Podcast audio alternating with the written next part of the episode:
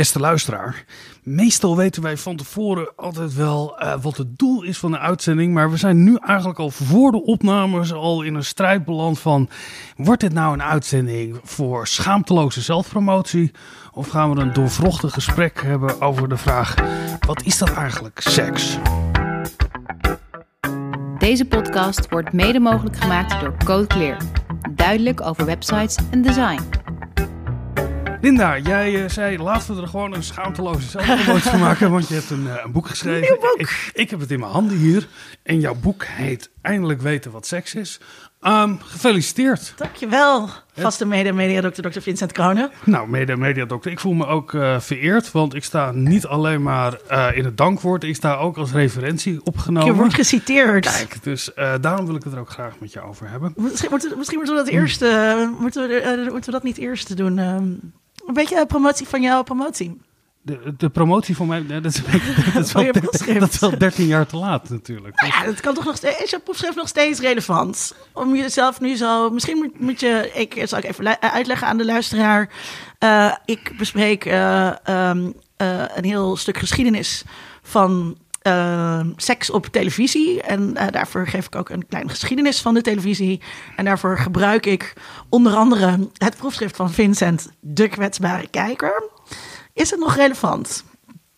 Ik denk dat het argument nog steeds heel erg relevant is. Uh, Welk argument maak je? Dat als je nou, je ziet, elke generatie krijgt weer zijn eigen discussie over een vermeende kwalijke invloed van media of mediagebruik. Waarbij er altijd een bepaalde veronderstelling is dat de ander kwetsbaar is. Dus de ander moet altijd beschermd worden voor.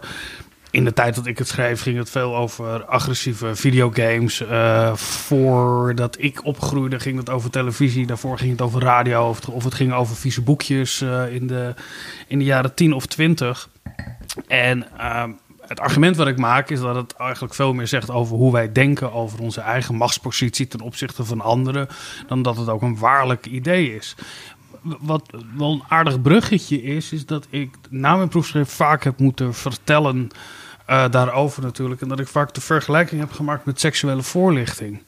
Uh, het schrijven over nieuw mediagebruik, of over televisie of oude media, wat dan ook is zich eigenlijk steeds meer gaan spiegelen aan seksuele voorlichting. Waarin je in de jaren 50, 60, 70 uh, gaan we zo hebben, uh, abstinatiewet uh, voorgeschreven. En als je het al deed, dan heel voorzichtig en onder Mm. alle voorwaarden.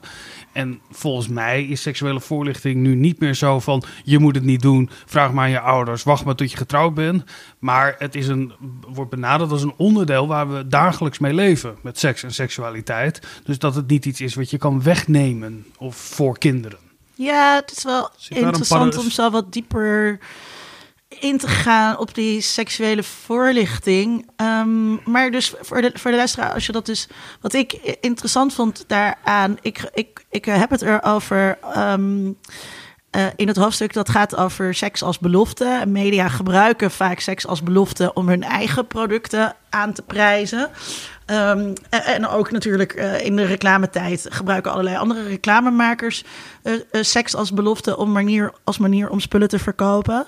En um, wat, wat daarbij dus interessant is ook, is dat um, omdat de kijker zo kwetsbaar werd geacht, dat is, dat is een van de punten uit jouw proefschrift, um, besloten de confessionele partijen om uh, toen televisie bedacht werd en we nog geen televisie hadden, om die taak van televisie maken maar op zich te nemen. Eigenlijk om te voorkomen dat andere partijen het zouden doen. En die zouden wel eens um, misbruik kunnen maken van die kwetsbare kijker. En dan zie je dat dat bestel heel erg dichtgetimmerd um, uh, raakt. Voor decennia ook zeer succesvol natuurlijk. Duurde tot 89 voordat het een beetje opengebroken nou werd. Ja, maar. Dus, maar ja. eerst al met, uh, met het Remeiland, wat we vanaf jouw huis vroeger ja. konden zien. Nu staat er een lelijke, staat een lelijke woonwijk voor. Maar um, dat het schip Veronica ligt daar 800 meter. Dus de hele omroepgeschiedenis ligt bij mij voor de deur uh, bij de um, Houthaven. Maar dat, maar dat uh, zo, zodra dat alle alle omroepen of alle partijen die wilden inbreken, ook meteen inderdaad dat met seks gingen doen. En dus eh, Radio Veronica zond, zond sexy liedjes ehm, Ja. eh, uit. En eh, in de jaren negentig zie je dan dat als er commerciële omroepen komen, ze allemaal lanceren met best wel raunchy programmering in de, in de vroege avonduurtjes. dus om half elf allemaal lekkere softporno om die kijker te trekken. Pun intended. Ehm, en eh, ik vond dat wel aardig om dat zo ook eens op te schrijven. Ehm, ik had dat zelf nog nooit zo opgeschreven eh, als, als mediawetenschapper. Dat, ehm, dat die seks dus daar... Dat, dat seks en televisie dus ook onlosmakelijk met elkaar verbonden zijn in hun geschiedenis. Zeker. Ja. Ja, die, die komen we straks misschien nog wel. Nee, daar komen we helemaal niet meer op. En de reden was natuurlijk ook voor SBS dat je toen nog eh, zenders zelf moest programmeren op je afstandsbediening. Dus de reden was dat zet hem op 6 en dat je dan in ieder geval iets moest laten zien waar iemand dacht, nou, eens kijken waar die viezerik het allemaal over hebben. Eh, dus het was een heel erg doelgericht om te zorgen dat mensen in ieder geval een keer daar naartoe moesten en dan wisten waar die zender eh, zat, ergens in dat grote geheel. Maar ja, ehm, we gaan het hebben over je boek. We zitten al veel te ver eh, over andere dingen te hebben. Het, het ging Ah, ook over het boek. Dit was allemaal inhoudelijk. Eigenlijk gaat het in het boek wordt eigenlijk, alles is eigenlijk seks. Hè? Dat als je het via seks kan je toch wel heel erg veel fenomenen in de wereld beschouwen. Nou ja, het, het is. ehm, ik, ja, dat is zo'n bekende uitspraak toch? Alles is seks behalve seks, want seks is macht.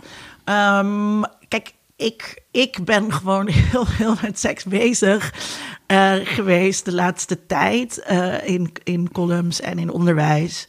En ehm, ja, dan je kijkt vanuit je specialisme naar de wereld. Ehm, daar hebben we het wel vaker ook over gehad in de aantekeningen uit de ondergrondse reeks. Eh, en, dat, en dat is je bril. Dus ik kijk naar de sociale werkelijkheid met een speciale interesse in gender en seksualiteit. En ehm, dan, dan zie je dat eh, seks in allerlei verschillende domeinen betekenis ehm, ehm, heeft. En eh, ja, ik weet niet of alles seks is. Je zou ook kunnen zeggen alles is media. Of oh, laatst zei iemand alles is communicatie. Ehm, Oh, ik kreeg daar een heel zurig gevoel van in mijn mond.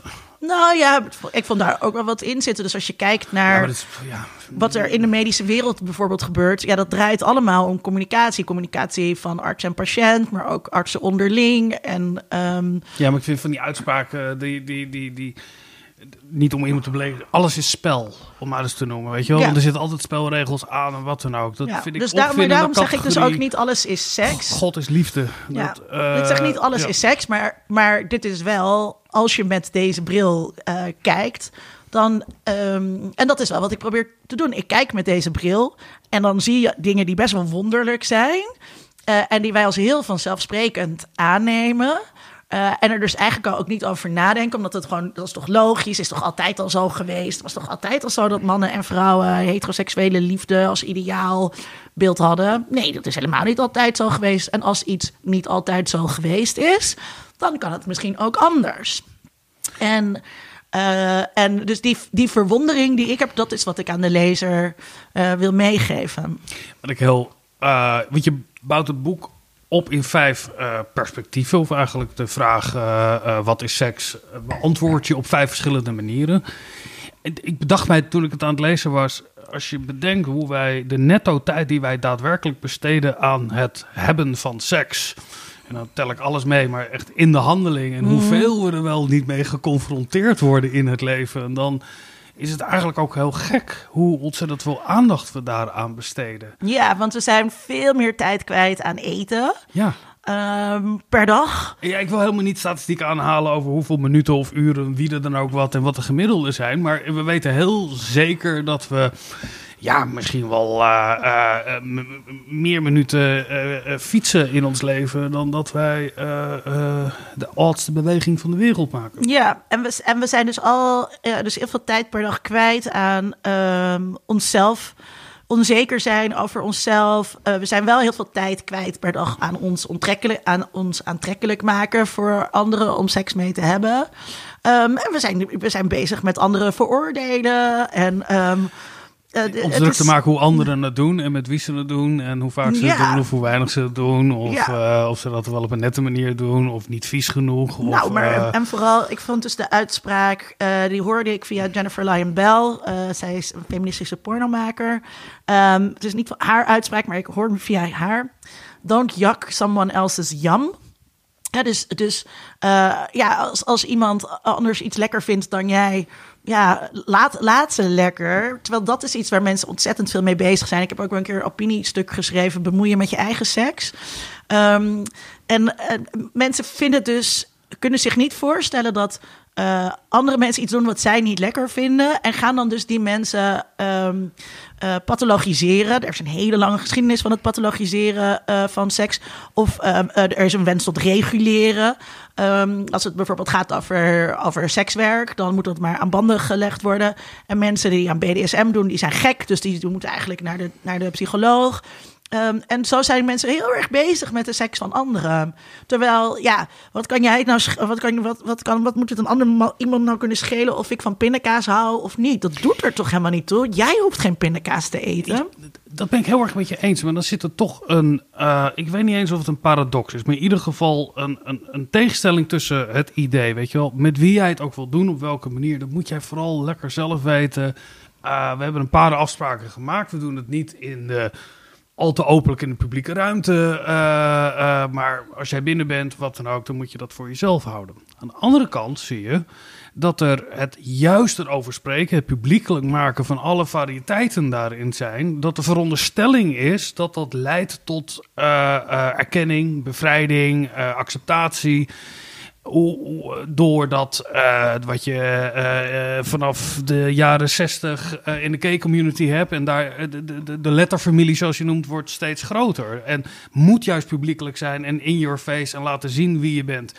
Hoe rijm je die twee dingen met elkaar? Nou ja, ik heb natuurlijk mijn Foucault goed gelezen. eh, en dit is, dit is eh, het, punt waarmee Foucault zijn geschiedenis van de, seksuele, van de seksualiteit ehm, begint. Met wat hij de repressieve hypothese noemt. Dus we hebben onszelf wijsgemaakt dat er een periode in de geschiedenis is geweest, met name de Victoriaanse tijd, waarin ehm, eh, seksualiteit onderdrukt is geraakt. Sommige mensen plaatsen dat langer bij de kerk. Dus seksualiteit is onderdrukt geraakt. Eh, toen mochten we er niet meer over spreken. En daarom moeten we nu erover spreken. En als we maar meer over seks gaan praten, dan zal seks ooit weer vrij zijn. Ja, de, En, de- de eh, bevrijdingsthese. En wat er, eh, ja, hij noemt het dus de repressieve hypothese, want, want het gaat dus uit van dat idee dat het dus ooit onderdrukt is geweest. En eh, dat, dat bekritiseert hij. Maar, en hij zegt ook nog, hè, wat dat dan ook nog doet, is dat, dat spreken over, over seks geeft je dan ook nog een aura van transgressie, van cool zijn, eh, van al die dingen. Nou ja, iedereen eh, moet dit lezen. Het is heel leesbaar trouwens. Mensen vinden, klagen daar altijd over. Maar Fou- Foucault's historisch ingezette boeken zijn ontzettend leesbaar. En ehm, eh, want dan, dan zie je dat in één keer, dat iedereen dat de hele tijd aan het doen is. Als ik niet, dit moet ik echt zeggen, want ik moet het taboe doorbreken. Dus een mooi voorbeeld ehm, was de documentaire van Lise Kurpershoek, eh Mijn seks is stuk. En eh, dan, dan daar kreeg ze allemaal fantastische reacties op. Wat dapper, wat goed dat jij dit aankaart. Terwijl mensen die Foucault een beetje hebben gelezen, ja, die moeten daar eigenlijk heel erg om lachen. Want dit is waar de media ons voortdurend toe aanzetten om te biechten. Om maar te vertellen ehm, wat we seksueel allemaal doen. Wat onze fantasieën zijn. Of Ja, het maar gebrek mijn, vader zegt, zegt vaak om de jaren zeventig samen te vatten dat alles ging onder het motto moet kunnen. Ja, maar je moet Eh, het wel, maar je moet het allemaal delen. Ja, en je moet ja. er heel open over praten. En dat is dus eh, eh, grappig, zegt Foucault, want dat is altijd, dat is al heel lang in de geschiedenis. En eh, wij die confessiecultuur die wij hebben, dat is, dat is gewoon de katholieke confessiecultuur. De media hebben de rol van eh, de priesters eh, daarin overgenomen. Ehm, maar daarbij wordt nog steeds geoordeeld en veroordeeld. En het is dus niet zo dat we in de Victoriaanse tijd niet over seks spraken. Sterker nog, zegt hij, er was toen een explosie aan discours over eh, seks. eh, omdat men het toen ging reguleren. Dus geeft hij bijvoorbeeld als voorbeeld. eh, de manier waarop een, een kostschool voor jongens is ingericht. Dat met al die bedden naast elkaar waar alle handjes boven de dekens konden. Dat betekent dat daar is over nagedacht. Daar is over gesproken van hoe zorgen wij ervoor dat al die jochies niet gaan liggen, liggen aftrekken in bed. Uh, dus, dus er was juist een enorme regulering uh, van seks. En het is niet waar dat er toen niet over seks gesproken wordt. Dus iedereen die zegt, maar ik doorbreek het taboe. Um, nee, dat is, dat is onjuist. Dit is een heel lang antwoord en een kleine inleiding uh, op de geschiedenis van de seksualiteit van Foucault. Ja, dan gaan Love we, him. Dan gaan we Love nu, him. Michel en ik, ach.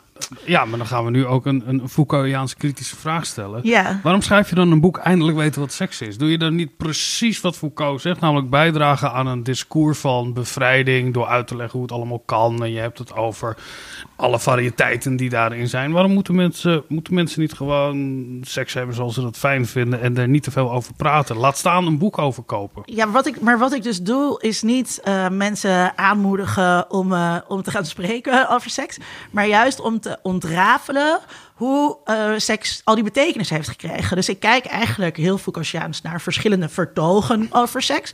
Welk vertoog zit er in voorlichting uh, bijvoorbeeld? Uh, en dan ontrafel ik hoe dat zo is gekomen. hoe we op die, tot, op, tot op dat moment zijn gekomen. Dus dat is niet...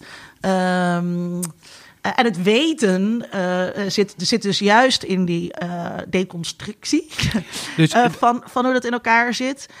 Want daardoor, ja, door, hopelijk, doorzie je daardoor die betekenis die seks heeft in onze maatschappij. En doorzie je dus dat, niet ten nadele van, van Lies Kurpershoek, um, maar dat als iemand zoiets, zo, zoiets doet, ja, hopelijk kan je dat dan in, een bredere geschiedenis plaatsen. en zeggen, oké, maar deze mechanismen zijn hier gaande.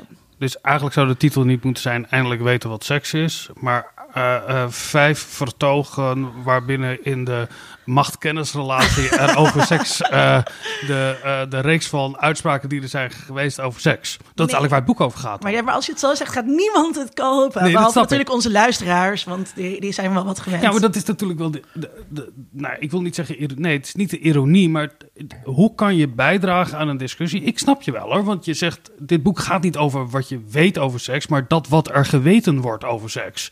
En dat is natuurlijk een heel groot verschil. Ja. En heel veel van. Maar je die... maakt het nu heel academisch, terwijl het helemaal geen academisch boek nee, is. Nee, nee, nee. Lees het vooral. En uh, je zal lezen dat het, als je vanuit een ander perspectief vertrekt, uh, je maakt een heel mooi onderscheid erin van. Je begint bij een handeling. Nou, wanneer heb je het met elkaar gedaan, uh, beste luisteraar? Wanneer was jouw eerste keer? en was je en, er klaar voor? En was je, nou ja, buiten. En heb je niet gedacht, ja, was dat nou wel de eerste keer? Hebben we, hebben we het nou wel gedaan? Of stel je voor dat je geen hetero bent, wanneer telt dan wat? Weet je die, daar begint natuurlijk al dat we niet eens weten dat wat... We hebben geen consensus over dat wanneer we spreken over seks. Ja, dat, dat, dat is dus... Uh, dat alleen al uh, vind ik heel interessant. Dus um, ik had het hier over met uh, hoogleraar seksologie Ine van Wezenbeek deze week van Wezenbeek deze week. Deze week met Ine van Wezenbeek. En uh, die moeten we ook eens uitnodigen. Zij is superleuk.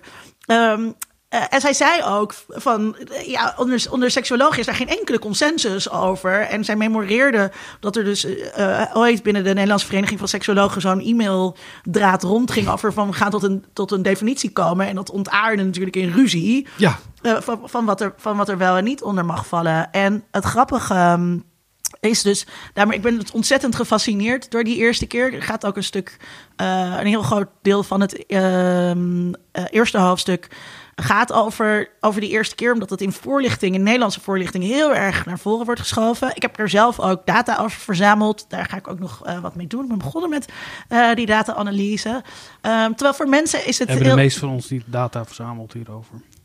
Uh, nee.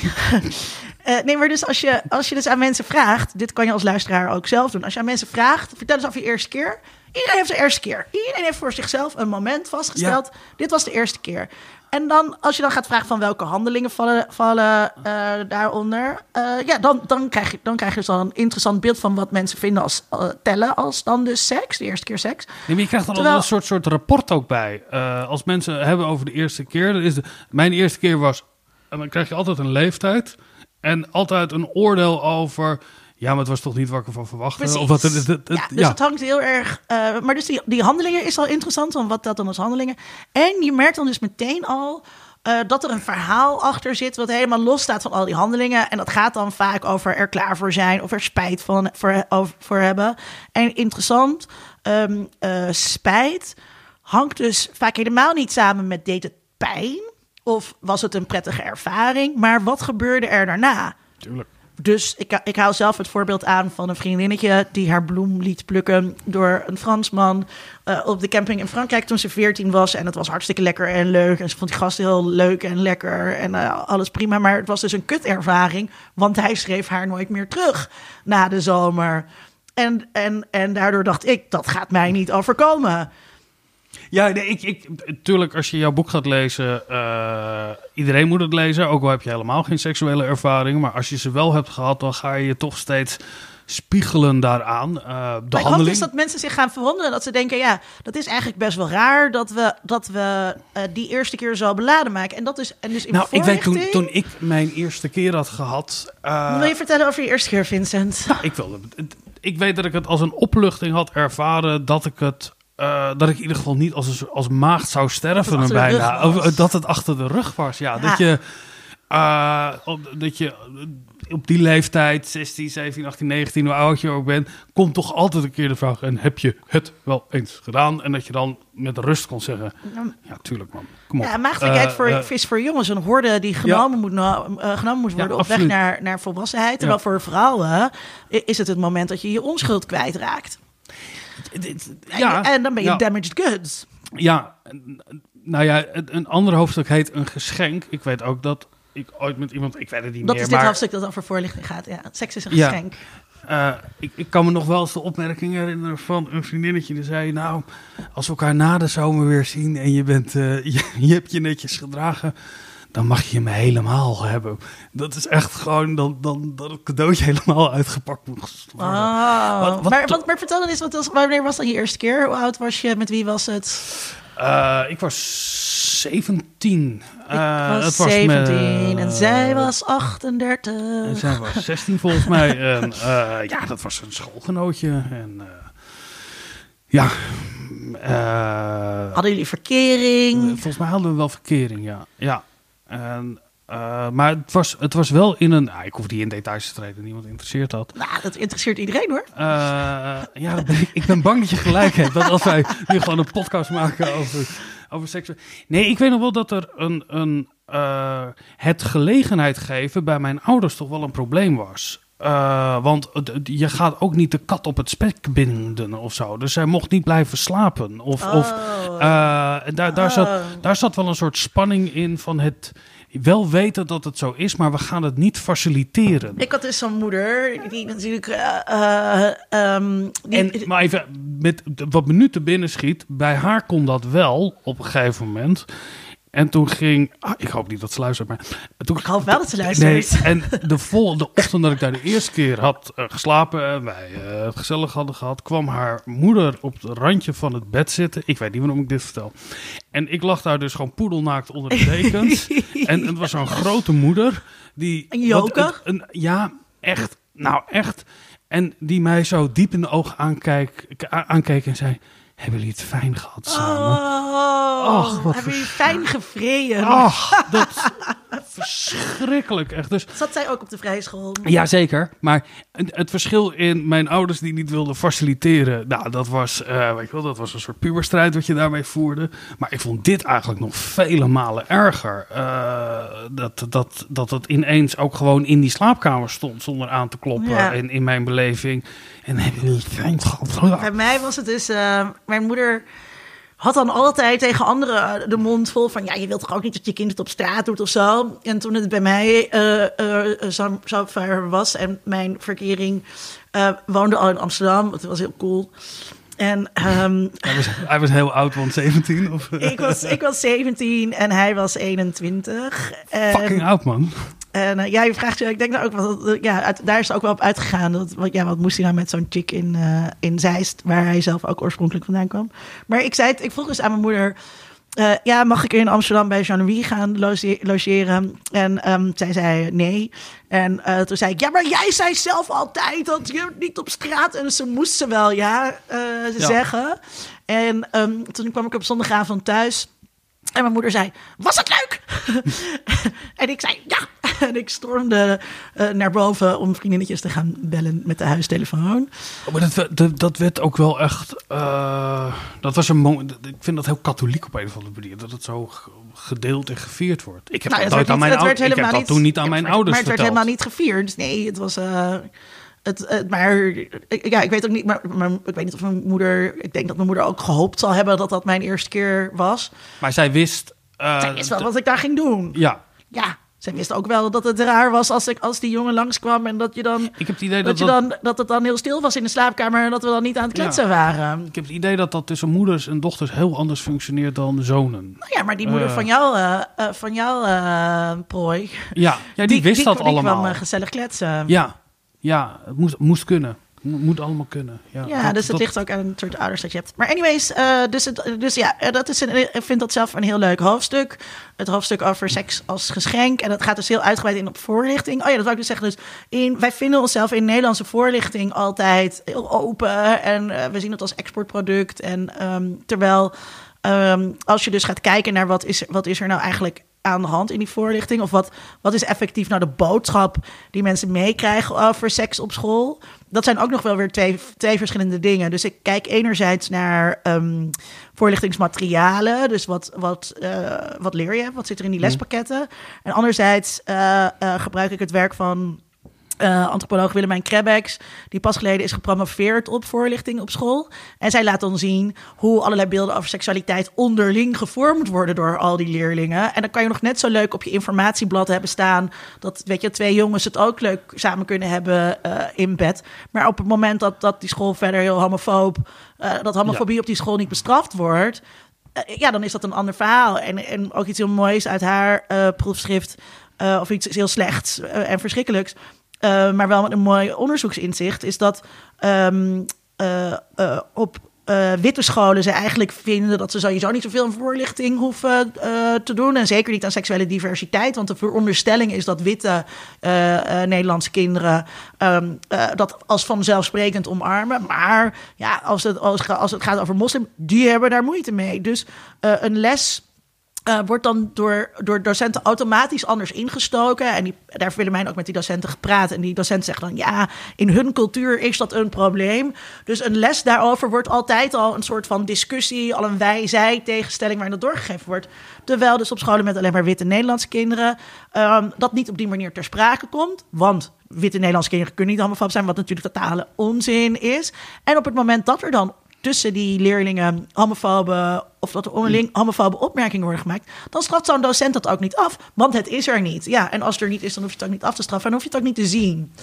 En ehm, ja, nou ja, Maar die seksuele. eh, toen ik daarnaar heb gekeken in de jaren 60, 70. eh, eh, we hebben het er wel eens over. Toen was het natuurlijk vooral bestraffing en het niet doen. Dat waar we eerder aan refereerden. Nee, dat is, Ik- niet, dat is niet waar. Dus Nou ja, obstinatie. de- Het, het, het Nou, wat, wat ik dus ook wel kiezen. interessant vond, dat wist ik eigenlijk ook niet zo. Ehm, eh, de seksuele revolutie, waar iedereen het altijd over heeft, was niet zozeer een revolutie in handelingen als wel in opvattingen. Dus in hele, hele, hele korte tijd veranderden de opvattingen van Nederlanders ehm, eh, over seks en seksualiteit. Eh, en dat ging echt in een tijdsbestek van tien jaar. Ja, en, en ja, je kan het 65, 75. eh, eh, dus ik- ik- eh, 1960, 1970. Dus het is, en dat is echt heel snel gegaan. En dat, dat is toen al heel mooi met surveyonderzoek eh, gemeten. Dat die opvattingen dus vooral ehm, heel erg veranderden. Ehm, en, eh, en sindsdien zitten wij met dat ding van wij zijn heel open. En, en het grappige is ook, wel die seksuele revolutie ging in Nederland zo hard en zo snel. En wij vinden hem zo belangrijk. Omdat wij fucking achterlijk waren. Dus wij waren ook, we zaten echt vuist, vuist, vuist diep in die verzuiling. eh, zaten. Dus we hadden ook heel veel juk om van ons af te gooien in vergelijking met andere landen. En toen wij eh, jong waren, we hebben het er wel eens over gehad, dus daarom ga ik naar de bekende weg vragen. Maar die, hele AIDS-epidemie, die, en dan denk ik met name zo rond 90, 91, 92, eh, precies in de tijd dat wij eh, aan onze seksuele carrière begonnen, ging bij mij ook wel heel erg met de associatie van leuk, seks ga je zeker doen, maar pas op, want anders ga je dood. Dat was ongeveer wel de strekking. Bij elke seksuele voorlichting hoorde, was eigenlijk het belangrijkste: doe het op een zo'n manier dat je er niet aan sterft. Ja, dat is me altijd wel bijgebleven. Ja, dus uh, ik, daar schrijf ik ook uitgebreid over in het eerste hoofdstuk. want dat gaat eigenlijk over hè, hoe, hoe doen we het nou eigenlijk precies. En, en dan stel ik dus ook de vraag hoe is dat zo gekomen. Nou ja, de seksuele revolutie is daarvoor belangrijk. Maar ook inderdaad die, die HIV- en AIDS-epidemie die in de jaren tachtig begint. Um, ik meen in 1986 of 1987 is de eerste grootste publiek, publiekscampagne. Uh, je weet je ook nog wel met dat bijtje. Een bijtje vliegt van bloem tot bloem en, en infecteert zo alle bloemen. En wat gebeurt er met die bloemen? Dat is een heel promiscu bijtje. Ja, het promiscu bijtje die, die, die vermoordt dus eigenlijk al die bloemen. En, dat, en daar komt die boodschap vandaan van heb je seks, dan ga je dood. Ja, maar vooral veel sekserij. Weet je wel, veel partners, hoe noem je dat? Nou, maar gedrag. Nee, dat... en daarna, daarna dus dat, dat, dus, dus dat, dat legt die associatie met dood heel erg. En daarna komen de campagnes ik vrij veilig of ik vrij niet. En dat geeft dat daarin door als je onbeschermde seks hebt, was de boodschap, dan ga je dood. Ja. En daarom kies je tussen uh, beschermd of niet. En dat was een keuze. Ik heb dat altijd inderdaad zo ervaren als een keuze van uh, leven of dood. Ja, en dat, ja, dat is een, eigenlijk, nou ja, misschien ook wel terecht. Ik weet het niet als je daarop terugkijkt. Ja, maar ik heb het dus heel uitgebreid in het boek. Of reden ik. Ik, ik, ik heb een, een leuke, of een interessante paragraaf gaat dus ook over die. Um, uh, epidemie, dus zelfs als, als je dat niet hebt meegemaakt, of juist wel heel uh, van bewust van dichtbij hebt meegemaakt, uh, hoe dat dan ook precies is gegaan. Hoe het, en het is een heel Nederlands boek, dus het gaat heel erg over wat er in Nederland is gebeurd. Dus hoe, werd, hoe, hoe, hoe kwamen artsen op de hoogte van dat het überhaupt bestond? Hoe is die zorg geregeld? We hebben het in Nederland heel goed gedaan. Er is heel snel, heel duidelijk, ook omdat een van die artsen die daar zo betrokken was, zelf homo was, is er heel snel ingezet op beperken van stigma. Um, en, um, en, ja, dus dat als, je dat, nou ja, als je dat soort dingen interessant vindt, dan moet je dit boek kopen. Um, die vijf perspectieven die je hebt. Vijf uh, antwoorden. Vijf antwoorden op vragen, vijf vertogen die elkaar ondersteunen. Uh, zie je, wij doen alles voor alle verschillende publieken leggen we steeds onder. Uh. wat je niet heel uitgebreid doet, of dat het, het, boek er ook niet over gaat, is dat je zozeer een oordeel of een advies uit, uitdraagt. Nou, ik kijk wel in elk hoofdstuk, dus bij elk antwoord kijk ik naar, kan het ook anders? Uh, van wat ik net al zei, op het moment dat iets... Is dat uh, Jerry Springel, uh, Final Thought? De Final Thought? Nee, dat is de slotgedachte. Die, ja. die komt daarna nog. Nee, daarvoor zit steeds een, een deel dat, heet, dat letterlijk heet, kan het ook anders. En daarin, ja, als, als we weten dat iets um, wonderlijk is en gebaseerd op redelijk toevallige historische omstandigheden, dan kan je dus ook afvragen, kan het ook anders? En dat uh, vond ik zelf steeds de moeilijkste stukken, omdat je dan dus moet gaan, ja, uh, heel Foucaultiaans, uh, je, je bent zelf gevormd in het discours, daar kan je niet buiten uh, treden. Elke, an, elke antireactie daarop is ook in het discours. Dus je kunt bijvoorbeeld, je kunt wel zeggen, ik laat mijn okselhaar staan, maar dat wordt dan meteen heel erg, dat is nog steeds binnen dat discours van dat het er eigenlijk af moet. Je ja, kan, ja, ja. Je, kan je, bent, je bent... En ik vond het dus heel lastig om steeds dus alternatieven te bedenken. Uh, van hoe, hoe, hoe, hoe zou je dit ook anders kunnen? En um, wat dat betreft wil ik heel graag Um, ja, we hebben altijd mensen die aan de seksuele rafelranden uh, leven, om het maar even zo te zeggen. En die vind ik natuurlijk heel erg interessant. Uh, en daarom hang ik ook zoveel rond in Club Church als, die, als dat open is. Maar, maar waarom is dat?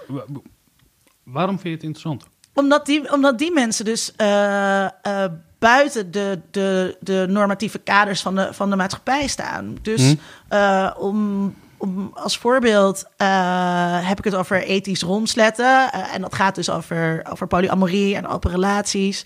Um, en um, die, die, mensen, die mensen die dat doen, die krijgen de hele tijd commentaar van iedereen. Uh, daarop. En dat is heel lastig. Om je, om, het is veel makkelijker om toe te geven aan normatieve ideeën over, over seks en seksualiteit. Dus het is veel makkelijker om in een hetero-monogame relatie uh, te stappen. Ook al kan dat dan lastig zijn om soms trouw te blijven of al die dingen. Maar het is veel makkelijker om in dat kader te stappen dan om tegen je vrienden en familie te zeggen. Uh, uh, ik, heb, ik heb twee partners en ik hou van alle twee evenveel. En ik woon de helft van de tijd bij René en de andere helft van de tijd bij Ronald. Uh, weet je, dat, dat, dat, um, dan gaan mensen de hele tijd zeiken. En op het moment dat, dan, dat zo'n relatie dan uitgaat, dan zegt iedereen, ja, zie je wel, het werkt ook niet, hè? Terwijl op het moment dat eh, een monogame relatie mislukt, dan zegt niemand, ik heb dat nog nooit gehoord, ja, monogamie werkt eigenlijk ook niet. Het is gewoon geen houdbaar model. Ik heb dat wel eens gehoord, maar uh, nee, het is niet de norm. Het is niet nee, de maar norm. Er is wel Eh, discussie over, eh, hè, kan je wel monogaam zijn? Maar er wordt nooit gezegd bij een monogame relatie, het ligt aan de relatievorm. nee, nee, het is niet het concept monogamie Precies. wat, eh, ja. dat, en dat, wordt dus, benoemd bij wordt. polyamorie wordt dat dus wel eh, eh, afgeschreven. En je ziet dus elke keer bij, mensen die iets anders proberen, dat daar dus heel vaak eh, sociale exclusie als, op straf, eh, als straf op staat. Ja, maar we begonnen dit gesprek met... En dat betekent dus ook weer, dat- zo worden al die normatieve ideeën over seks, die dus zo wonderlijk zijn, in stand gehouden. Ja, maar via, het, via seks hebben we heel veel dingen met elkaar georganiseerd. Formeel en informeel. Hè? Dus van, van huwelijken tot aan... eh, De reclame-industrie. whatever. Weet je wel, alles gaat via die lijnen. Is het dan eh, zo verwonderlijk als op een gegeven moment er mensen zijn die zich buiten die norm stappen? Dan stap je niet alleen maar buiten de norm met wie jij een amoureus of een seksueel leven hebt, of allebei. Eh, je tart eigenlijk ook de grenzen over hoe wij als samenleving... Je tart aan de fundamenten van de maatschappij. ja, Ja. dus is het dan wel zo wenselijk als wij al deze variaties allemaal weer daarbinnen moeten nemen? Want dan kan je toch een Is het wel samenleving... zo wenselijk om te tarten aan de fundamenten van de Precies, maatschappij? ja. Eh, ja, denk ik. Waarom? Eh, omdat deze maatschappij ehm, eh, ook heel vaak heel knellend eh, is voor, voor heel veel mensen. Dus dat is net als met het patriarchaat. Ja, dat moeten we omver, dat moeten we omverwerpen. En het is niet zo dat, dat, alleen maar, dat het patriarchaat alleen maar knellend is voor vrouwen. Nee, het is ook knellend voor heel veel mannen. die, die toch dat patriarchaat op hun schouders ehm, dragen. Maar heb je het idee dat En in die daar... zin is Nee, het dus als wel de- is het heel Fou- Foucaultiaans. Maar meer Ja, weten dan- dan- of dit soort dingen weten is, is, een, is een subversieve daad. Maar is... Twee vragen in één. Eh, Nu namelijk... komt het boek ook veel activistischer de- over dan dat het is. Maar dat Nee, is nee. gewoon een heel leuk, gezellig boek. Het is een heel gezellig boek. Nee, nee, dit is een perspectief eh, die we... Nee, ik, ik vraag mij af... Als je aan de ene kant eh, zegt van... Ja, dit, het is beknellend voor mensen. Ik schrijf er een boek over dat al die verschillende identiteiten daar zijn. Natuurlijk doe je dat ook vanuit. Het, is, zijn ook- verschillende vertogen. Nee, ik maar zeg ook juist die een identiteiten. Nee, in- in dat is een heel hoofdstuk zegt dat het heel raar is dat die identiteiten er allemaal zijn. Ja, dat ben ik met je. Maar we, we constateren, doe je ook in je boek, dat seks over veel meer gaat dan alleen maar een, een, de daad. Je begint met een handeling, dat is het eerste hoofdstuk. En je komt er eigenlijk niet uit, logisch, seksologen komen er ook niet uit wat dan de daad zou moeten zijn. Maar op het moment dat je gaat zeggen dat elke vorm, omdat seks ook in relatie staat tot hoe we de samenleving inrichten, kunnen we twee dingen doen. Als ik het heel scherp stel. We moeten ophouden met dat gepraat over seks. Heb seks met wie je seks wil hebben. We mogen er gewoon niet meer met elkaar eh, eh, over naar buiten treden. Dat elkaar in, in, in elkaars face hebben. We hebben de afspraken, het sociale contract dat we hebben, is dat mensen dat mogen doen. Maar we gaan dat niet meer in your face doen, omdat dat het fundament van de samenleving is. Op het moment dat je zegt nee, dat moet wel uitgesproken worden. Dat moet publiekelijk en een podium krijgen. Dan ja, gaat het ook schuren met wat wij in de samenleving die wij hebben opgebouwd met elkaar Nee, over hoe val, je, dingen nee, gaan. want nu val je in de En kom je in een bevrijdingsthese terecht Ja, door het te noemen. Ja, maar dat is helemaal niet wat ik, wat ik eh, doe. Want zoals ik aan het begin eh, al zei... het is dus helemaal niet het idee dat er meer over gesproken eh, moet worden. Eh, maar ook niet dat er per se minder over gesproken moet worden. Ehm, de, de oproep van het boek is... kijk nou eens hoe er in al die verschillende domeinen over seks wordt gesproken. En is dat niet heel raar? Ja, En kan dat ook anders? En, eh, en ja, ik denk dat als al mijn, eh, hoe kan het ook anders als die allemaal opgevolgd eh, zouden gaan worden, dan, dan ziet de samenleving er een heel stuk heel anders uit. Ik weet niet of die er dan per se beter uitziet. Dat, dat weet ik niet. Dat vereist dan weer een nieuw boek. Maar ehm, eh, op dit moment is het bijna ondenkbaar. En dat vind ik dus heel interessant. Dus al die dingen. ehm, eh, eh, dus het gaat bijvoorbeeld ook over de male gaze in, in media. En eh, dat belangrijk concept van Laura Mulvey. eh, dat als we, als we in media kijken, dat we bijna altijd met een mannelijke blik kijken. De camera is mannelijk. Wat gebeurt er nou als die, als die blik vrouwelijk is?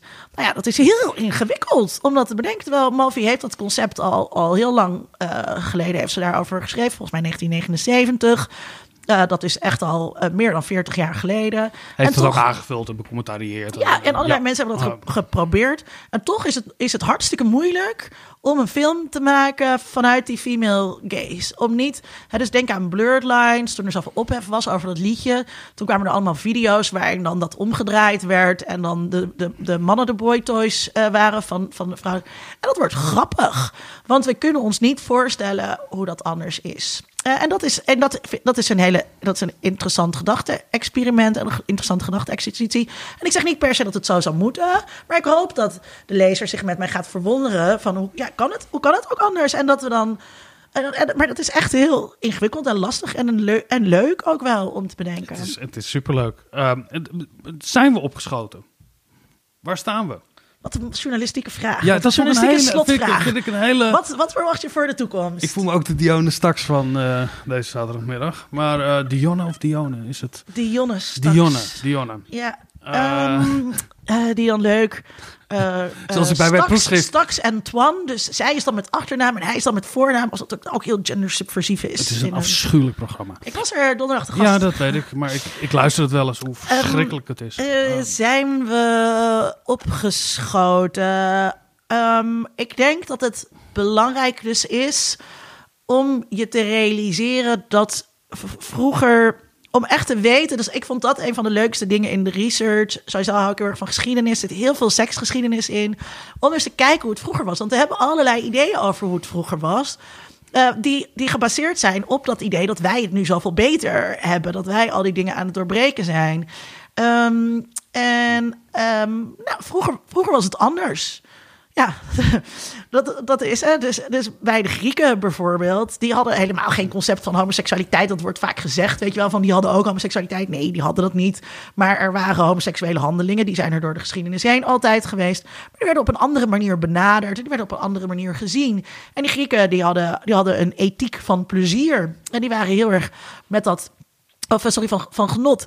En uh, pleasure, toch wel, ja, plezier. En uh, dus die status van, uh, de status die plezier heeft, is voor ons ook weer heel belangrijk. Ook weer met kapitalisme te maken, is allemaal heel interessant. Um, dat, is, dat staat nu weer hoger in het vaandel dan dat het in de Victoriaanse tijd stond. En ik, de luisteraar kent mij als hedonist.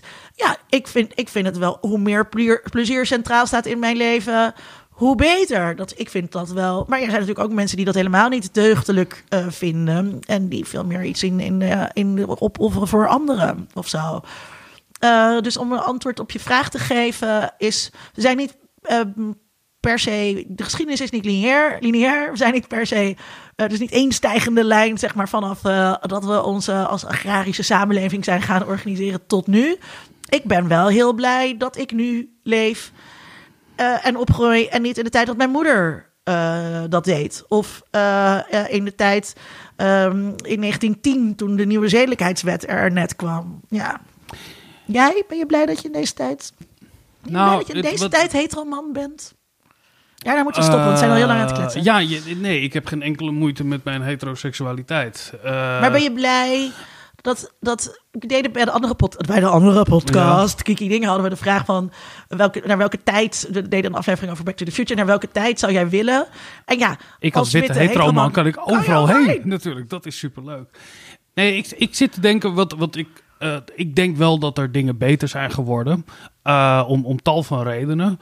Uh, met name dat ik hoop vooral, en ook dat gelijk een reden, lees het boek, uh, beste luisteraar. Als je nou, vooral als je denkt, ik ben eigenlijk heel erg raar in mijn seksualiteit. Jij bent niet raar, en, de rest is raar. en ik ben de enige die dat weet. En niemand weet dat. En ik doe dat allemaal uh, heel erg stiekem. En ik dus stel je voor dat het naar buiten komt, dan gaat iedereen me uitlachen. Ik gun heel erg dat mensen die dat gevoel hebben, in welke fase van hun leven ook, dat ze dat niet hebben. Uh, want het is echt zo'n waste of time en energie. En uh, het is niet waar. En jouw boek helpt daarbij. Zeker. We gaan zo luisteren naar uh, afgelopen dinsdag. Ja, dinsdag was de beste avond ever. Want op de valreep van de tweede lockdown mocht ik mijn boek lanceren in Club Church. Club Church die al een hele tijd dicht is. maar waar um, nog één avond het seksueel vrijdenken opleefde. Um, en um, er was een leuk programma. En als de luisteraar het leuk vindt. Blijf, Blijf, hangen. blijf gewoon luisteren. Don't, en, don't touch the dial, zegt Ja. de radio. en eh, nou ja, wij komen ook snel weer terug met een eh, reguliere uitzending. Tot dan. Doei. Oh. Hallo allemaal.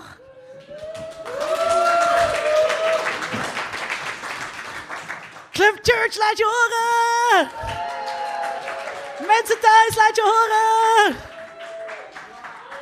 Ik ben zo blij dat jullie hier allemaal zijn bij de boeklancering van Eindelijk weten wat seks is. Ehm, ik was super nerveus natuurlijk dat het op het laatste moment alsnog afgelast ging worden. En, maar volgens mij is dit het laatste event. Dit is het laatste moment dat we in een gezelschap groter dan vier of zo bij elkaar mogen komen. Met mensen thuis, die mogen dat natuurlijk nog wel langer. Maar eh, er zijn hier dus ook, er is een klein publiek hier aanwezig. Eh, misschien moet ik even zeggen wat we vanavond gaan doen. Ehm, we hebben wat eh, muziek, we hebben wat praatjes en dat, dat, dat is eigenlijk het idee. Ehm, graag ehm, wil ik jullie ehm, introduceren voor de, voor de mensen die hem nog niet kennen aan eh, Matthias Duivens. Er zijn heel veel mensen hier in de zaal, eh, maar ook mensen thuis die er niet bij konden zijn, die mijn denken over seks ehm, beïnvloed hebben en nog steeds beïnvloeden. En Matthias eh, is daar één van. En daarom heb ik Matthias gevraagd om een inleiding te geven bij het thema. Wat is seks? Matthias, kom erbij. Ik geef de vloer aan jou. Dankjewel. Als je het boek van Linda hebt gelezen, dan zul je zien dat het plaatje wat eh, de artiesten voor me heeft gemaakt op de muur, dat dat eigenlijk het beginpunt is van, eh, van het boek van Linda. Vervolgens gaat ze heel veel verder. En eh, ik zal proberen daar in zes velletjes iets, iets over te zeggen. Ehm, ik denk dat we allemaal wel de onweerstaanbaar charmante toon kennen waarmee Linda iets naar voren kan brengen. Je bent wel de tweede keus, maar toch vraag ik je iets over mijn boek te zeggen. nou, ik dacht best een goede keus dan. Want haar eerste keus was iemand die me lang geleden had gezegd: Ik lees eigenlijk nooit een boek. Hij is zelf een boek. Lezen maakt dik, dacht hij. En over seks wordt enorm veel geschreven, gesproken en eh, gelezen. En dat is goed. Want de vrijheid om over seks te schrijven en te lezen spreekt niet vanzelf. Om Europa heen al helemaal niet meer. De Erdogans, Poetins, Trumps, Xi Jinpings hebben er niets mee. Seks leent zich ook onder onze eigen voeten voor misbruik, voor sancties, voor oorlog. In Amsterdam-Oost gaat de oorlog op straat niet over het klimaat of over water, maar over seks en over gender. Wat voor seksuele manieren en wat voor mannen, vrouwen en andere seksuele burgers het voor het zeggen hebben. In de Javastraat las ik, kun je links regenbogenvlaggen zien en rechts scherven, eieren en vuile blikken. En vanmiddag ging het over homogenezingen in de Tweede Kamer, waar wij met ons allen aan mee blijken te betalen. De vrijheid om over seks te schrijven en te lezen spreekt niet vanzelf. En zal ook niet vanzelf blijven en is ook niet vanzelf gekomen, zelfs niet in Nederland. Daar gaat Linda's boek uitvoerig en overtuigend op in. Ze bespreekt bijvoorbeeld in het vierde hoofdstuk, het zijn er vijf, in het vierde hoofdstuk de rol van de Nederlandse media, de geschiedenis, de belofte en de verschrikking van ons medialandschap. In dat spreken, schrijven en lezen over seks. En die is in haar ogen niet best. Dan schieten die opgewekte ronde Hello Kitty ogen van haar vuur en vaart de devil in misduids. Ik zag niet eerder zo helder en overtuigend uitgelegd dat de Nederlandse media de eerste 50 jaar wel met een boog om seks heen moesten lopen en er de laatste 50 jaar dag in dag uit een door en door heteronormatief potje van hebben gemaakt. Jeetje, alleen wanneer je het verleden vergeeft en de toekomst vergeet, is het heden misschien nog enigszins te verdragen. Maar nee, dan Linda. Godzijdank blijft ze nergens in haar boek bij de pakken neerzitten. Zij niet. Ze wil dat we eindelijk weten wat seks is. En zal zijn en wat het was. Eenvoudig omdat ze het zelf eindelijk wil weten. Dat is de enige motivatie die voor een schrijver telt. Elk woord van haar over seks is een woord over de, over de wereld en over onze tijd van leven. Ze is er in, vijf, in haar vijf hoofdstukken telkens, telkens als de kippen bij om op verschillende terreinen uit te pluizen hoe het zit. Wat er aan de hand is, noemt ze dat. Hoe het zo gekomen is en of het ook anders kan. Dat zijn steeds de drie punten die in die uh, hoofdstukken naar voren komen. Het is heel methodisch, helder opgezet, heel overzichtelijk, heel leerzaam. Linda vroeg me iets over, uh, uh, over het boek te zeggen, maar ik kom er nu achter dat dat niet eerlijk is, want het zijn eigenlijk vijf boeken in één. Het is Linda's omnibus over seks.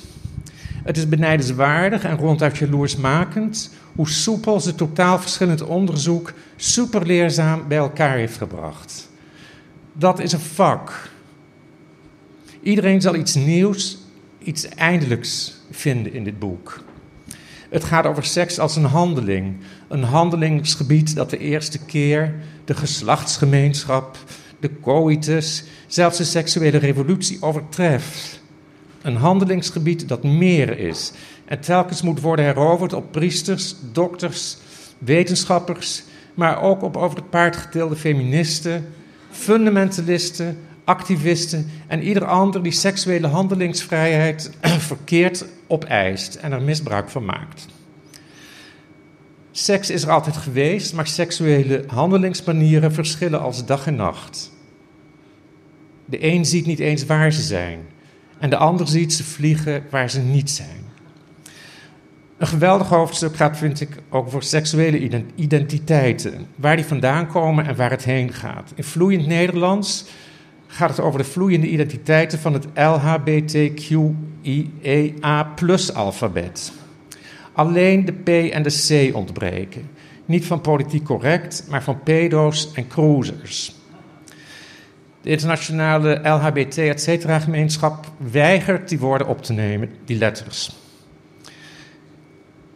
Ik kan er wel bij zeggen dat iemand als Abu Talib in Rotterdam overweegt om die C in zijn stad toe te voegen aan het LHBT, die C van Kroes, omdat hij denkt dat hij daarmee iets uh, onder de aandacht brengt wat voor veel meer positieve aandacht behoeft. Maar die andere letters, uh, de LHBT, et cetera, die heeft ze voor ons in een zoutvaartje gedaan dat ze in 200 bladzijden voor, uh, voor ons uitstrooit. En daar komen gepeperde vragen uit naar voren, zoals wanneer gaat een losse voorkeur over in een vaste, misschien een muurvaste identiteit? Is, of moet je zeggen heeft, een drag queen een identiteit? Linda is een gevoelige seismograaf voor allerlei transformaties om ons heen. Maar in een razend knappe Linda-taal waar iedereen bij kan. Uit de kast, in de soep. Zo vat ze een paar honderd jaar turbulente homogeschiedenis samen. Ik bedoel maar, knap, kort en kernachtig gezegd. Losjes, maar helemaal raak. De andere hoofdstukken gaan over seks als een geschenk, een belofte en een beroep. Over maagdelijkheid als een bloem die je maar één, één keer kunt plukken en weggeven, waar ik erg van moest lachen. Omdat Linda juist beschrijft hoe mensen elkaar dat geschenk voortdurend aftroggelen en, uh, en daar dan weer onder gebukt gaan. Terwijl ik me in mijn seksueel actieve jaren elke ochtend toch weer een maagd voelde, met alles erop en eraan. Misschien omdat ik uiteindelijk toch weer voorgoed een maag heb willen worden. Want wie wil er nou geen bloem zijn? Ik heb het nooit verder gebracht dan een tulp in Parijs. Ik at daar een keer in een restaurant met mensen die zo bang waren om het open en bloot over homo's te hebben, dat ze het over tulpen en hun steeltjes hadden. En wij waren dan de tulp uit Amsterdam. Linda schrijft over seks als een belofte. Ja, ook een valse belofte. En ook weer zo plezierig op schrift gesteld als een podcast voor je ogen. Je leest en hoort haar gewoon met die opgeruimde toon van haar. Ook over lang niet altijd de happy-go-lucky happy kanten van wat seks is. Verrassend en echt belangrijk vind ik haar aandacht voor de idiote heteronormatieve sanctionering van seks die altijd weer opsteekt. Vroeger en nu niet anders. Psychiaters hadden het over, hadden het over abnormaal en deviant. Hun bandvloek werd later een breekijzer in de antipsychiatrie en de underground. Uh, christenen, moralisten, ook feministen strooien met grensoverschrijdend, waar libertijnen en vrijzinnigen spreken uh, over grensverleggend. En de jongste generatie van woke queers heeft het over het gay en lesbian privilege en homonationalisme. Linda laat zich niet van de wijs brengen, niet door negatieve en niet door positieve mediasanctioneringen. Over wat mag en niet mag, wat hoort en niet hoort, wat deugt en niet deugt. Door cancel culture en sanctiecultuur laat ze zich niet foppen of in de luren leggen. Godzijdank zit er geen officier van justitie in haar hoofd, zoals tegenwoordig bij heel veel mensen. Maar een echte goede ouderwetse meid die op haar tijd is voorbereid. Haar boek Wat seks is, is juist seksverruimend. Het is een zeldzame seksedelische ervaring. Als ze een filosoof was, tot slot zou ik haar boek een kritiek van de seksuele ratio durven noemen. Maar Linda schrijft als Madame de Saint-Ange. Madame de Saint-Ange was een libertijnse, een libertijnse kinderjuf uit 1795 die het woord voert in het eerste seksuele voorlichtingsboek voor jonge meisjes. Le Philosophie dans le Boudoir. Filosoferen op bed van Marquise de Sade. Linda's boek is het nieuwste in die bijzondere reeks. Ook Linda bedient zich in Eindelijk Weten van een heel intieme toon. Niet over goed en fout en bloemetjes en bijtjes, maar over stigma, gelijkwaardigheid, macht, consent, diversiteit, sekswerk, afwerkseks, verpreutsing, scripts en nog veel meer. En net zoals de kleine Eugenie in 1795 allemaal nieuwe dingen hoorde van Madame de Saint-Ange, lees ik die nu bij Linda. Metamour, Elephant Walk, Sint Ontkommer, Bekerspel, Doxing, Compersie, Clitorifanten. Nooit eerder van gehoord en ik wil er alles van weten. Seks loopt als een slagader door dit voorlichtingsboek. Eindelijk weten is een staalkaart voor beginners en gevorderden. Het is een zoutvaatje waar peper uitkomt. En dat alles op een toon tussen vrienden en vriendinnen. Linda praat tegen je of je wordt geknuffeld. Ergens vraagt ze of je het een vrouwenboek vindt, omdat ze het zelf ook niet meer weet. Nou, ik kan je vertellen, dit is een prinsessenboek. En die prinsesjes, dat zijn wij, dankzij dit boek. Iedereen van ons die houdt van luisteren en lezen en schrijven en spreken over seks. En de vrijheid die daarbij hoort. Dus ik wens iedereen een hele goede leeservaring. En ik dank Linda voor uh, de schrijfinzet.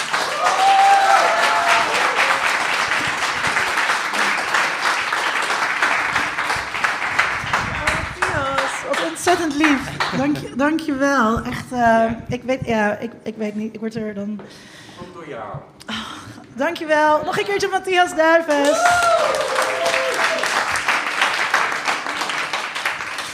Uh, voor de mensen die hier aanwezig zijn, de bar is dus gewoon de hele tijd open. Alles moet op, weet je. Het is gewoon gaan. Dus, dus uh, ga nu niet allemaal tegelijkertijd. Doe even je mondkap op als je naar de bar loopt. Maar die mogen dus gewoon de hele tijd naar de bar uh, lopen.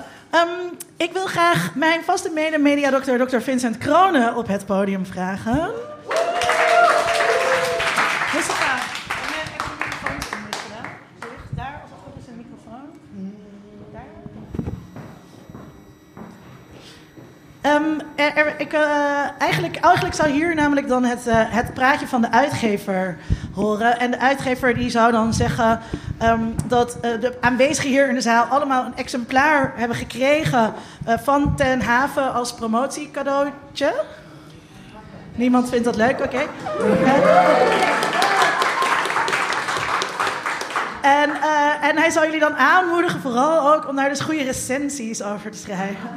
Bijvoorbeeld op bol.com of op Goodreads of op andere dingen. Bijvoorbeeld gewoon overal te zeggen, ook mensen thuis, gewoon ja, promoten, promoten, promoten die shit. Want daar is zo'n boeklancering natuurlijk gewoon voor. Um, dat gezegd hebbende, heb ik het goed gezegd, mede mediadokter? Ben ik nu iets vergeten qua promo? Nee, nee ik denk dat. Ik, ik hoorde Matthias zeggen dat hij tweede keus was. En daar wil ik hem mee feliciteren. Want het is overduidelijk dat ik derde keus was. Nee, nee, nee. Nee, jij was voor deze plek ook tweede keus. ja. Ik zing een beetje rond. Dus. Oh, um, ja, ik weet niet. Dat ligt aan de camera. Ja. Maar uh, Linda. Oh, maar dus, ja, dus in plaats van de uitgever dacht ik, ik vraag mijn vaste media, media, coach Vincent Kronen. Want uh, dan kunnen wij hier een leuk 1 2 doen, want dat kunnen wij leuk. Het is 127 uur uh, waaraan je kan horen dat het niet zo is. Um, Linda, ik was een beetje verbaasd ook wel dat je mij gevraagd hebt om iets te vertellen over je boek. Want wij weten allebei dat wij eh, gepromoveerd zijn bij, bij, bij, bij Lisbeth van Zonen. En Lisbeth van Zonen zei altijd tegen ons, op het moment dat wij na ons proefschrift iets hadden geschreven, zei zij op de vraag, heb je het gelezen? Nee, natuurlijk niet. Ik ken je toch. Ik weet al lang wat voor argument je gaat maken. Ehm, met die wetenschap eh, ben ik jouw eh, boek gaan lezen. En eh, nou, zal wel meer mensen kennen misschien die een beetje in deze hoek zitten. Op het moment dat je een, een boek krijgt, ga je drie dingen doen. Als eerst ga je kijken, staan er plaatjes in? Heel teleurstellend. Ehm, daarna ga je kijken, sta ik in de geraadpleegde literatuur? Yes. En als mooiste natuurlijk, eigenlijk wat je als eerste gaat doen... Dat is echt eigenlijk het eerste. Je Kijken. echt zo niet liegen, Ja. Vincent. En, en dan kijk je bij het dankwoord. Het eerste wat iedereen... Hebben jullie dat niet gedaan? Het eerste wat iedereen doet is... Sta ik in het dankwoord. En eh, voor de mensen die er niet in staan, sorry. Ehm, Hier, het balkon gaat helemaal, wordt helemaal Ja, wild precies. hier. Ik word zo Laura, yay! maar, Ja, eh, Kooijman. Het oh, zit In de house. Ja. Ehm, maar ja, ik, eh, ik werd natuurlijk gevraagd om een paar eh, open journalistieke vragen te stellen. Want het is misschien helemaal niet de bedoeling dat we hiermee in eh, een discussie gaan met elkaar. En als eerste, we, voeren een kritische, we voeren een verdiepend, een verdiepend gesprek. gesprek. Dat ook een podcast zou kunnen Ja, zijn. ik ging vanmiddag even kijken op bol.com en ik zocht er op het trefwoord seks. Er waren 44.000 hits. Toen ging ik seks boeken zoeken. Er waren er nog steeds 23.000. Mooiste titel, It's Hard. Ehm, voor jou de vraag, en Matthias refereerde er ook al aan. Waarom is het eigenlijk nodig om nog een boek te schrijven over seks? Eh, nou, omdat al die 23.000 boeken over seks best wel kut zijn. Ehm, nee, ehm, eh, seks wordt best wel vaak gewoon heel hysterisch benaderd. Dus ofwel, eh, er zijn heel veel zelfhulpboeken die je moeten helpen om betere seks te hebben. Dat is dit boek niet. Ehm, eh, of, eh, ja, ja, het is heel veel advies, relatieadvies. Terwijl, eh, zoals je weet, wij zijn sociaal wetenschappers. Sociaal wetenschappers. En, Nou, ehm, jij, maar... nou ja, ik, ik, ik, ken wat, ik weet wat er op jouw bul staat. En daar staat gewoon Oh ja, ja, gepromoveerd in de sociale wetenschappen, Vincent. Ik kan er wel om over liegen. Maar, ehm, en, eh, eh, dus een, een maatschappelijke duiding van, van seks, die is er maar heel erg eh, weinig.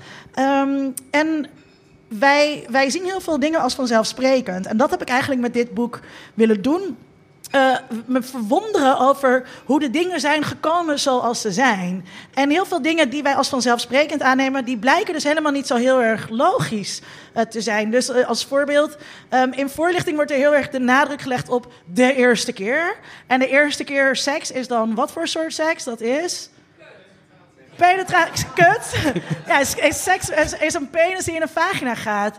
En allerlei andere vormen eh, van seks tellen dus niet mee. Dus je wordt nooit op de, op de middelbare school, als je voorlichting krijgt, voorbereid op gefingerd worden in het brommerhok. Dat, en dat doet er dan dus blijkbaar niet toe. Dus kan je ook geen trauma van krijgen. Niemand zegt dat je zo'n jongen moet vertrouwen. Of dat hij daarna nog brieven moet schrijven of zo. Terwijl dat wel gebeurt bij die eerste keer eh, penis in vagina seks. Maar dat is eigenlijk heel raar. Dus wat ik heb willen doen, is eh, me verwonderen over eh, een bepaalde stand van zaken rondom seks in Nederland. En vervolgens uit gaan pluizen, hoe is dat nou zo gekomen? En ehm, nou, ik ben niet goed in complimenten in ontvangst nemen, maar wel soms in mezelf op de borst kloppen. En ehm, ja, dat, dat is er niet. Dat was er niet. Nu is dat er. Ik, ik, ben, ik heb echt, ik, ik moet iets bekennen, ik heb wel gelezen vanmiddag en ik schrok. Helemaal, Nee, niet. Nou ja, het- het- het- ik kan snel lezen. Maar de- de- alleen al de vraag wat is seks in het begin, een soort definitie ervan, daar ben ik wel van geschrokken. Ik raad het iedereen aan om te lezen wat voor uit onderzoek Wat dacht jij dat seks was? Nou, ik, ik weet zeker dat seks eh, met condoom nog steeds sec is, in ieder geval. Sec. Eh, seks. Oh, Ja. het is ook een beetje Ja. sec. En dat je. Glijmiddel. Ja. Is echt een goed idee voor heel veel mensen die daar niet van weten. En dat in heteroseks als een man niet klaarkomt, het ook geen seks is, was ik ook voor, verbaasd over. Eh, maar dit zijn een beetje spoilers. Wie hoop je eigenlijk dat dit boek gaat lezen? Ehm, En dan heb ik het niet over iedereen die geïnteresseerd is, maar wie zou het moeten lezen? Oeh, dat is wel, ja, dat is wel zo'n vraag die je ziet aankomen, maar die ik niet had, voor, die ik niet had voorbereid. Ik heb, ik, want ik heb wel zo in mijn hoofd wat het boek moet doen. Ehm, wie ik hoop dat het boek gaat lezen, ehm, zijn, zijn mensen die meer, meer willen weten over seks dan dat ze denken te weten. Ehm, ja, Ja, wat een kutvraag is dat. Ik merk bij het lezen van jouw Wat boek... zou jij ook- en- ja, wat zou jij nee, zeggen? maar ik merk, jij wilt ook wel iemand ergens van overtuigen. Oh ja, maar ik ben onwijs docent. Ja. Dat is wel echt waar. Dus, Nou, en, en, en, we staan nu in de kerk. Je bent ook een beetje een dominee. nou, dat zou ik niet willen iets, eh, zeggen. of een priesteres. Hoezo, vind je dat? Nou, je, legt wel, je neemt een standpunt in. Dat waardeer ik juist heel erg. Dus ik vraag me af, wie zou er overtuigd moeten raken die het nu ik nog wil, niet zijn wie ik jou? wil bekeren. Ja. Nou, ehm, ik denk, ja, oké, dat is wel een goeie. Dus ik denk dat heel erg veel mensen eh, eh, die zich als queer identificeren... of die op een of andere manier in de LBTQIA zien zitten... eh, ik denk dat die het heel leuk vinden en zeggen, oh ja, oh ja, oh, eh, eh. Maar eigenlijk eh, eh, eh, wil ik ook dat juist heel veel hetero's het lezen... die dus vastzitten in een heteronormativiteit... en niet voorbij die dingen kunnen denken. Want het gaat dus wel, eigenlijk gaat het boek heel erg over... voorbij bepaalde dingen denken en je vragen stellen. Hoezo ben ik op deze manier zo gefixeerd op precies dit? Of hoezo is het voor mij zo belangrijk om mezelf op deze manier te manifesteren? Hoezo vind ik het volkomen normaal om een Bavaria bier te kopen, omdat er, weet je wel, geile chickies in een Bavaria jurkje ronddartelen, maar word ik wel heel boos als een vrouw sekswerk verleent? Dat soort mensen, die, die, die, die, dat, dat, het liefst zou ik willen dat zij het lezen. Bij- Maar dat is, maar dat is natuurlijk dat is altijd ehm, lastig, denk ik. Dus daarvoor heb je een soort van. Ik ga zo'n promo-ding doen. Daarvoor heb je ambassadeurs nodig. En dat zijn dan jullie allemaal en de mensen thuis. Dat je dus, als je, als je. Stel je kent zo iemand. Een soort, weet je, tante Thea. Of je buurmeisje Mariska. Je zit bij die kringvisite en die Of- vervelende oom zit daar. Ja, of je Stop het in de schoen Pieter. Weet je wel? Ja, dat, dat, je, dat, dat, dat, dat, dat je dus zorgt dat zij... Dat je tegen hun zegt, heb jij niet eindelijk altijd willen weten wat seks is? En dat je dan dus aan hun cadeau geeft... of gewoon in hun schoen stopt of, eh, of onder, hun, onder hun kussen legt. Bij, bij het lezen wordt ontzettend duidelijk. Matthias refereerde er ook aan dat je met ontzettend veel plezier hebt geschreven. En het leest als een trein, dus lees het allemaal. Ik vind ook schrijven heel maar, leuk. Maar ehm, bij het schrijven doe je natuurlijk onderzoeken. Je denkt na, ben je tot een nieuw inzicht gekomen? Bij het schrijven van dit boek, je zat toch binnen, het was covid. eh, Het was, het was. COVID. Ik, eh, ik mocht alleen met jou knuffelen. Ja. Ehm, dank daarvoor. Eh, ja, zeker. Nee, eh, eh, ik, ik ben docent, maar ik vind leren zelf ook heel erg leuk. En er waren natuurlijk een aantal dingen die ik al wel wist. Ik wist wel dat ehm, homoseksualiteit en heteroseksualiteit als woorden uit 1869 stamden. En dat daar een, een Uiteraard, dat weet iedereen, ja. Dat, dat wist ik, want ik, ik, geef ook, ik heb ook veel gender- en seksualiteitsstudies gegeven. Maar ik- er waren ook heel veel dingen die ik niet wist. En waar ik heel verrast over was. Ehm, die, die ik gewoon leuk vond om te weten. Maar ook heel veel dingen waar ik heel boos over, over werd. Eh, Matthias maakte net al een opmerking over feministen. Ik dacht dus altijd dat de regulering van sekswerk zoals we die in Nederland op dit moment hebben... dat dat de schuld was van christenen, van religieuze partijen. Maar het bleken de feministen te zijn. Ik zie hier een sekswerker in de zaal. Ik zo, ja, ja, ja, kut feministen. Maar dat is gewoon, dat is gewoon echt, dat is echt waar. En, ehm, eh, en ja, dus daar heb ik zelf ook weer heel veel dingen van geleerd. Ik, dus op momenten werd ik ook heel boos, eh, maar ook heel vaak eh, verwonderd. En ik hoop eh, dat die boosheid dat dat er niet in zit, want dat is helemaal niks niet, niet zo leuk, daar heb je niks aan. Maar wel die verwondering. Bij het schrijven, en dat is mijn laatste vraag, en dan ga je wat voorlezen, toch? Ik ga zo wat voorlezen. Ja. Een uitgever zegt altijd, het kan altijd korter, het kan altijd scherper. Nee hoor, dat zijn mijn uitgevers er, helemaal is, is, is er iets op de, op, op de editing floor beland waar je van dacht, misschien had dat toch hoofdstuk 6 moeten zijn? En kunnen we ons daar alvast op verheugen dat het het tweede deel wordt? Eh, nee, want dat is al geweest. Want eh, zoals je weet moet ik ook heel veel columns vullen. Dus ik had ook al, ik had best wel vaak al dat ik dacht: oké, dit past eigenlijk niet in een boek, maar dit is een prima column. Ehm, bijvoorbeeld, om maar iets te noemen. Wisten jullie dat mannen, en ook heteromannen, faken tijdens het orgasme? Ja, Foxy wist het. Eh, Foxy wist het wel. Ehm, dat, dus, en dat paste dan niet helemaal lekker in het boek. Dus dat is al een column die kan je teruglezen op, op Brainwash. Ehm, dus nee, ja, goh, ja, moet hier een deel 2? Ik hou helemaal niet van sequels of remakes. Toch, Sydney? Als ik ergens een hekel aan heb, dan is het wel de reimagining van... Dus ehm, nee, wat me leuk lijkt, is dat dit boek zo'n gigantisch succes is... dat ik ook een Duitse versie mag gaan maken en een Amerikaanse versie. Want ehm, het is wel een boek dat heel specifiek gaat over Nederland. Over de stand van zaken rondom seksualiteit in Nederland 2020. En hoe, hoe onze geschiedenis met seksualiteit, dus onze mediageschiedenis citaat tussen haakjes dan zo kronen. Wat is het, 2007? Heel lang geleden, zag ik, ja. Ehm, eh, eh, dus het gaat heel specifiek over Nederland. En ik denk dat dat het ook interessant maakt. Maar, maar het, lijkt, het lijkt mij dus heel tof om dat ook over eh, Frankrijk te schrijven. Bonjour Sarah! Lijkt me ontzettend mooi. Ehm, het, het- het is een plezier om te lezen, en, en, maar je hoort jouw stem altijd als ik jou zit te lezen. Wat Maar- is dat nou weer kutopmerking? Dit is Nou. mijn feestje. Ik Ah, was de ah. prinses, niet nu. Maar nu ga je eens dit je voorlezen en dan krijgen we de stem er direct bij. Krijg je de stem er? Ja, dankjewel Vincent Dankjewel. voor deze vragen. Oh, leg maar neer.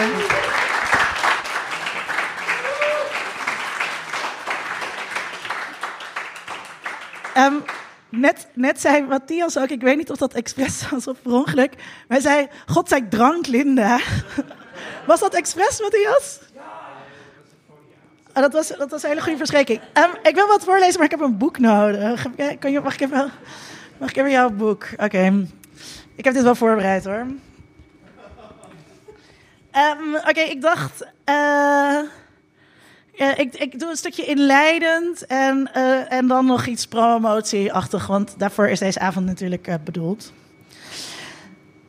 Seks. We willen het en we doen het. We spreken erover en we dromen ervan.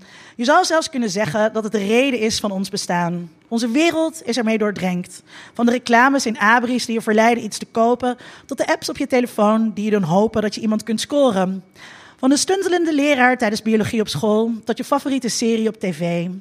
Seks is overal en overduidelijk, maar tegelijkertijd is het geheimzinnig en ingewikkeld. De boodschappen die we in Nederland over seks krijgen zijn aan de ene kant reuze recht door zee en aan de andere kant gehuld in een bijna mystieke waas van romantiek. Met seks begin je als je er klaar voor bent. Als het goed zit, gaat seks vanzelf. Seks is gewoon seks.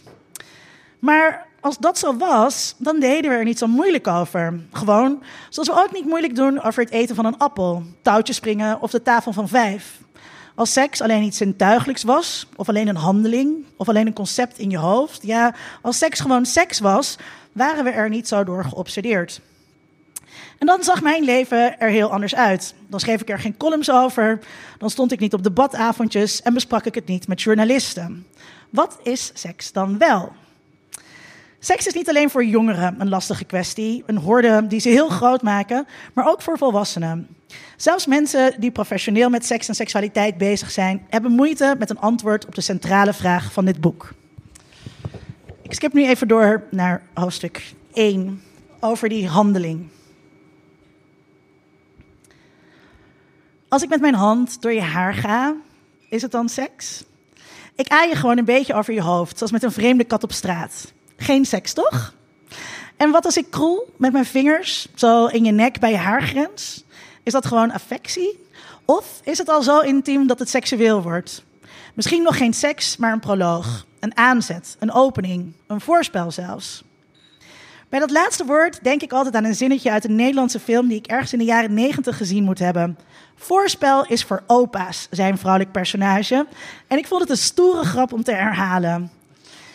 Het was me toen en ook nu niet duidelijk wat ze daar nou precies mee bedoelden. Was de term ouderwets?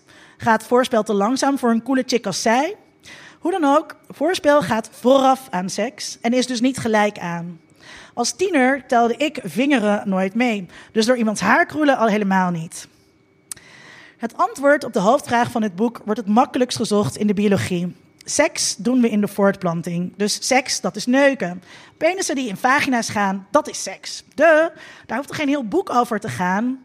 Maar in dat geval zijn de mannen die s'nachts de darkroom van Fetish Club Church bezoeken, hier beneden, ooit, nog kuiser dan de heilige maagd Maria. Zelfs als we het wat ruimer nemen, komen we er niet. Want er zijn genoeg mensen, homo's, lesbo's, bi's en ja, ook hetero's, die tijdens hun escapades penetreren nog gepenetreerd worden. Bij de dierensoort mens is seks veel meer dan wat genenoverdracht. Maar wat dan precies?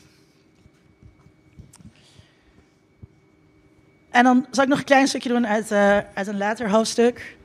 eh, over seks als belofte. Want eh, ik probeer nu natuurlijk de mensen thuis te, over, te, over, te, dat, overreden dit boek te kopen. Dus er moet een soort van belofte inkomen. Dus hoofdstuk 4 ehm, gaat over seks als belofte.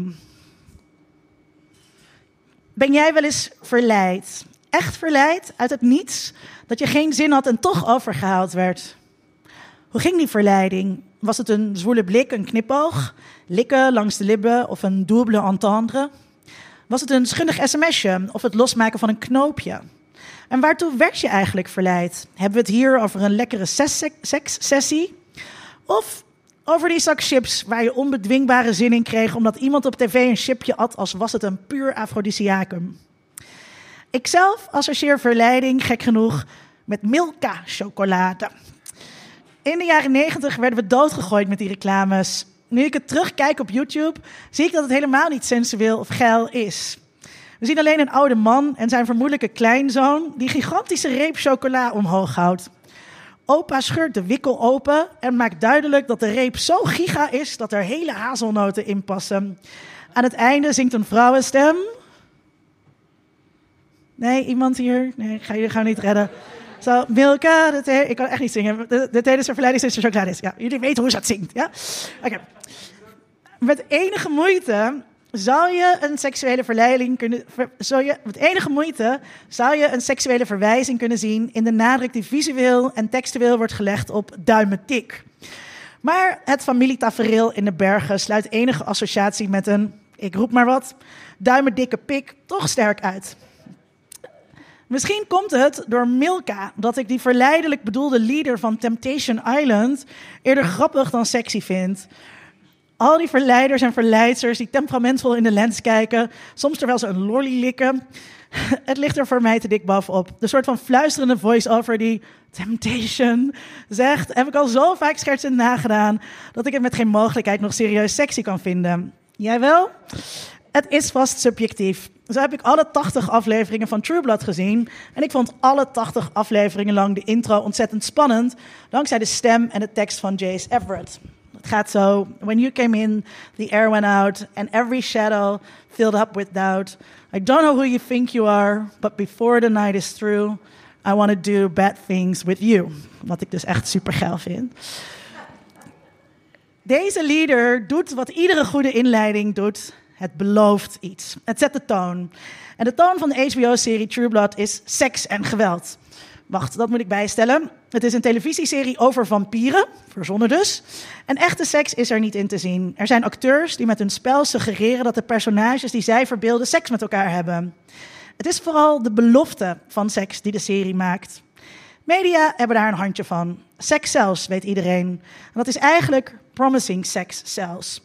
Mediamakers zetten seks in als een belofte, terwijl het publiek ondertussen ook wel weet dat het woord van de media niets waard is en dat er niets ingelost gaat worden. Toch vallen we ervoor, keer op keer op keer. We worden verleid door de belofte. We laten ons overhalen door wat ons voorgehouden wordt.